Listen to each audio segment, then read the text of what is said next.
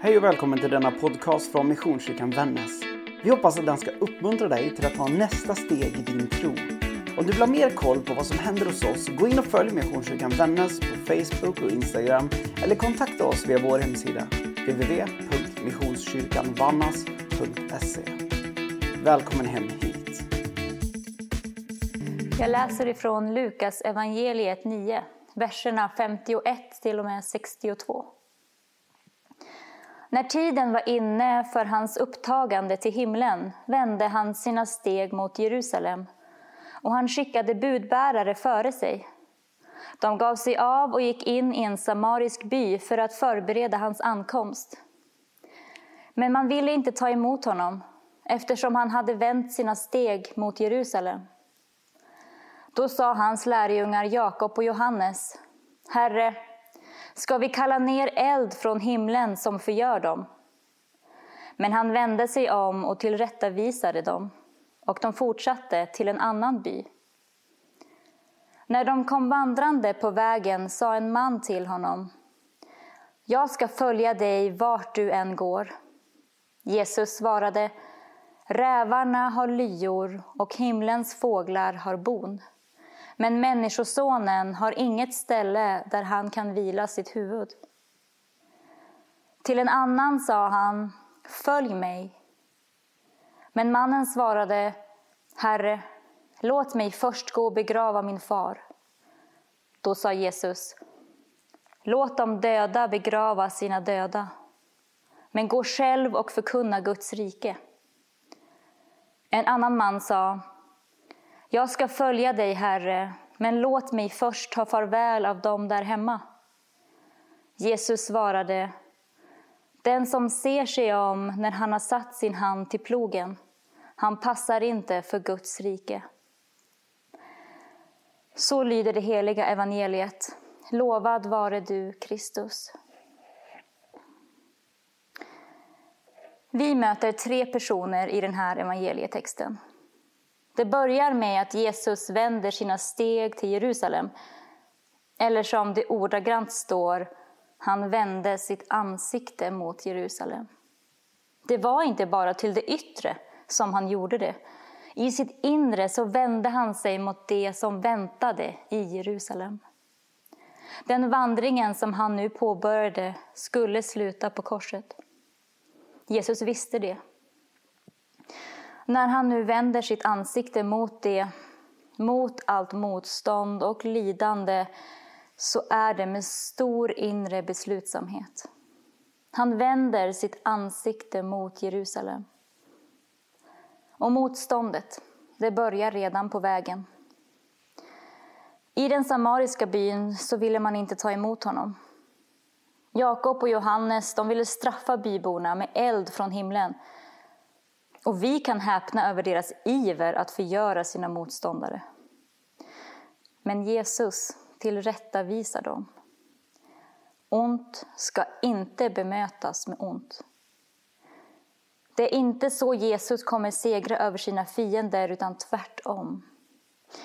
Under hela vandringen till korset så kommer Jesus låta det som sker, ske. Under denna vandringen kommer han inte att göra motstånd. Han har accepterat sitt öde. Istället så fortsätter de vandringen till en annan by. Och där är det, det är det här vi stöter på de här tre personerna. De tre olika mötena med Jesus. Och varför säger Jesus det som vi nyss hörde? Varför säger han inte bara kom, vad roligt att du vill följa mig? Ja, låt oss titta på vad som händer i texterna. Den första kommer fram och säger glatt, jag ska följa dig vart du än går. Fantastiskt, någon som säger så, det skulle man ju bli väldigt glad över. Så Jesus borde väl ta emot honom med öppna armar. Mm, och presentera honom för de andra lärjungarna och framhäva honom som ett föredöme. Nej, Jesus varnar honom. Han säger rävarna de har sina lyor och fåglarna de har sina bon. Men Människosonen har inget ställe att luta sitt huvud. Och innebörden här, den är tänk dig för. Är det här någonting som du verkligen vill? Att följa Jesus, det är ju en sorts vandring. Och det är inte så att Jesus avvisar honom, men han vill att han ska veta att, att följa Jesus, det är inte alltid så lätt. Det är ingenting du bara ger dig in i utan att tänka efter först. Det är inget liv i bekvämlighet med mjuka, fluffiga kuddar. Till och med rävarna och fåglarna, de har det bekvämare i sina bon. För Jesus konkurrerar inte med det övriga samhället genom att bjuda över och lova ännu mer. Att bli kristen innebär inte att livet blir en dans på rosor med stora fluffiga sängar där vi kan ligga och ta det lugnt. Så var det aldrig avsett. Och det är kanske någonting som vi behöver tänka på när vi talar om vad den kristna tron innebär. Jesus lockade inte med ett löfte om att allt skulle vara lätt. Och det är inte ofta så att det som de personer som till början är lite tveksamma, det är ju ofta så att det är de som i längden är de uthålliga. Men de som ivrigt, de som snabbt ger sig in i någonting nytt, de har kanske också ger upp först. Vi behöver reflektera och vi behöver tänka efter. Den andra personen blir uppmanad av Jesus. Följ mig. Det är inte han som tar initiativet, utan det är Jesus som kommer till honom. Och mannen svarar, låt mig begrava min far först. Det är ju en högst legitim eh, önskan kan man ju tycka. Att missa en begravning av en nära anhörig, det gör man ju inte så gärna. Och att ge dem den här sista tjänsten, det var en helig plikt vid Jesu tid. Och ändå så duger det inte som anledning. Låt de döda begrava sina döda. Är det så att mannen egentligen försökte komma med en undanflykt? Genom att ange ett sånt tungt vägande skäl så borde han ju vara ursäktad till att inte följa Jesus just nu, utan kanske senare när han har tid. Men Jesus ger honom inte den undanflykten. Han vill att mannen ska följa honom nu, när han kallar på honom.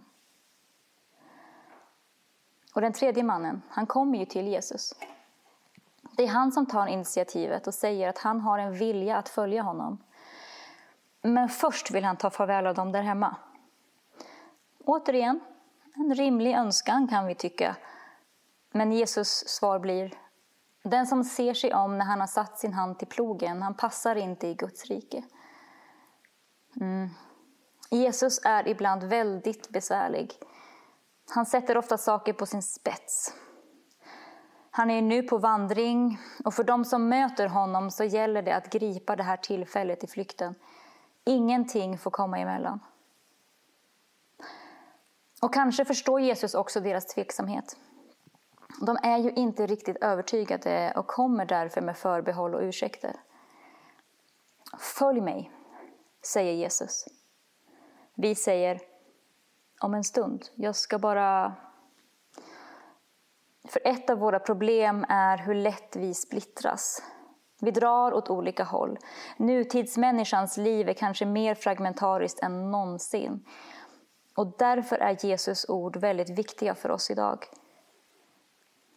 Den som ser sig om när han har satt sin hand till plogen passar inte för Guds rike. För hur lätt är det inte att vi ser oss om? Vågar vi verkligen satsa helhjärtat på en sak utan att snegla samtidigt på något annat? Ja, vi vill ha flyktvägar, vi vill kunna dra oss tillbaka om det är någonting som inte visat sig motsvara våra förväntningar. Det kanske inte alltid är så lockande att följa Jesus. För absolut, den kristna gemenskapen den kan vara fantastisk. Att lyssna och ledas av den heliga Ande, det kan medföra en väldigt stor trygghet. Men att följa Jesus, att ha Jesus som förebild i sitt liv, det är inte att alltid ligga i en mjuk och fluffig säng. Jesus är kontroversiell även i våra dagar. Att följa hans ord är inte alltid lätt och det är lätt att hitta på ursäkter till varför vi inte gör det. Men vi följer inte Jesus för att det är lätt. Vi följer honom för att han är värd att följa.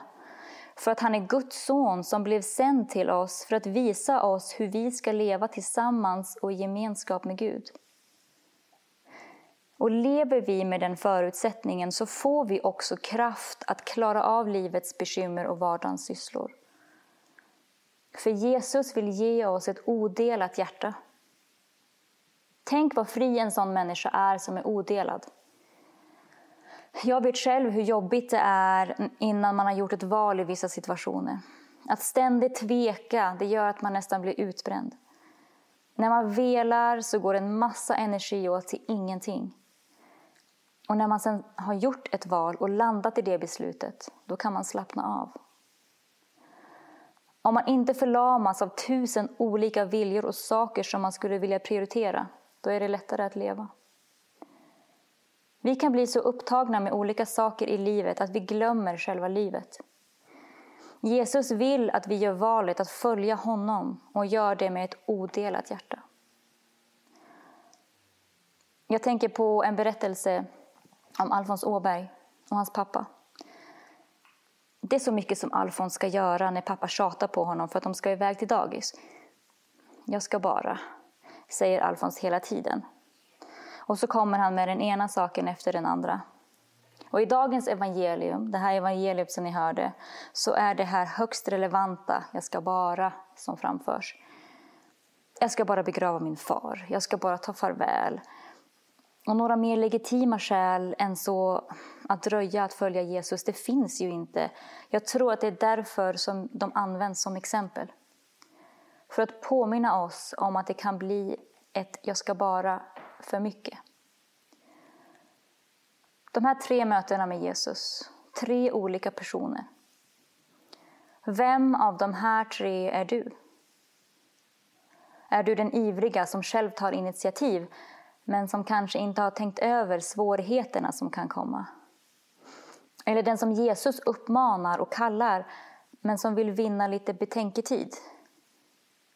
Eller den tredje, som vill följa men som samtidigt har svårt att prioritera Jesus i sitt liv just nu.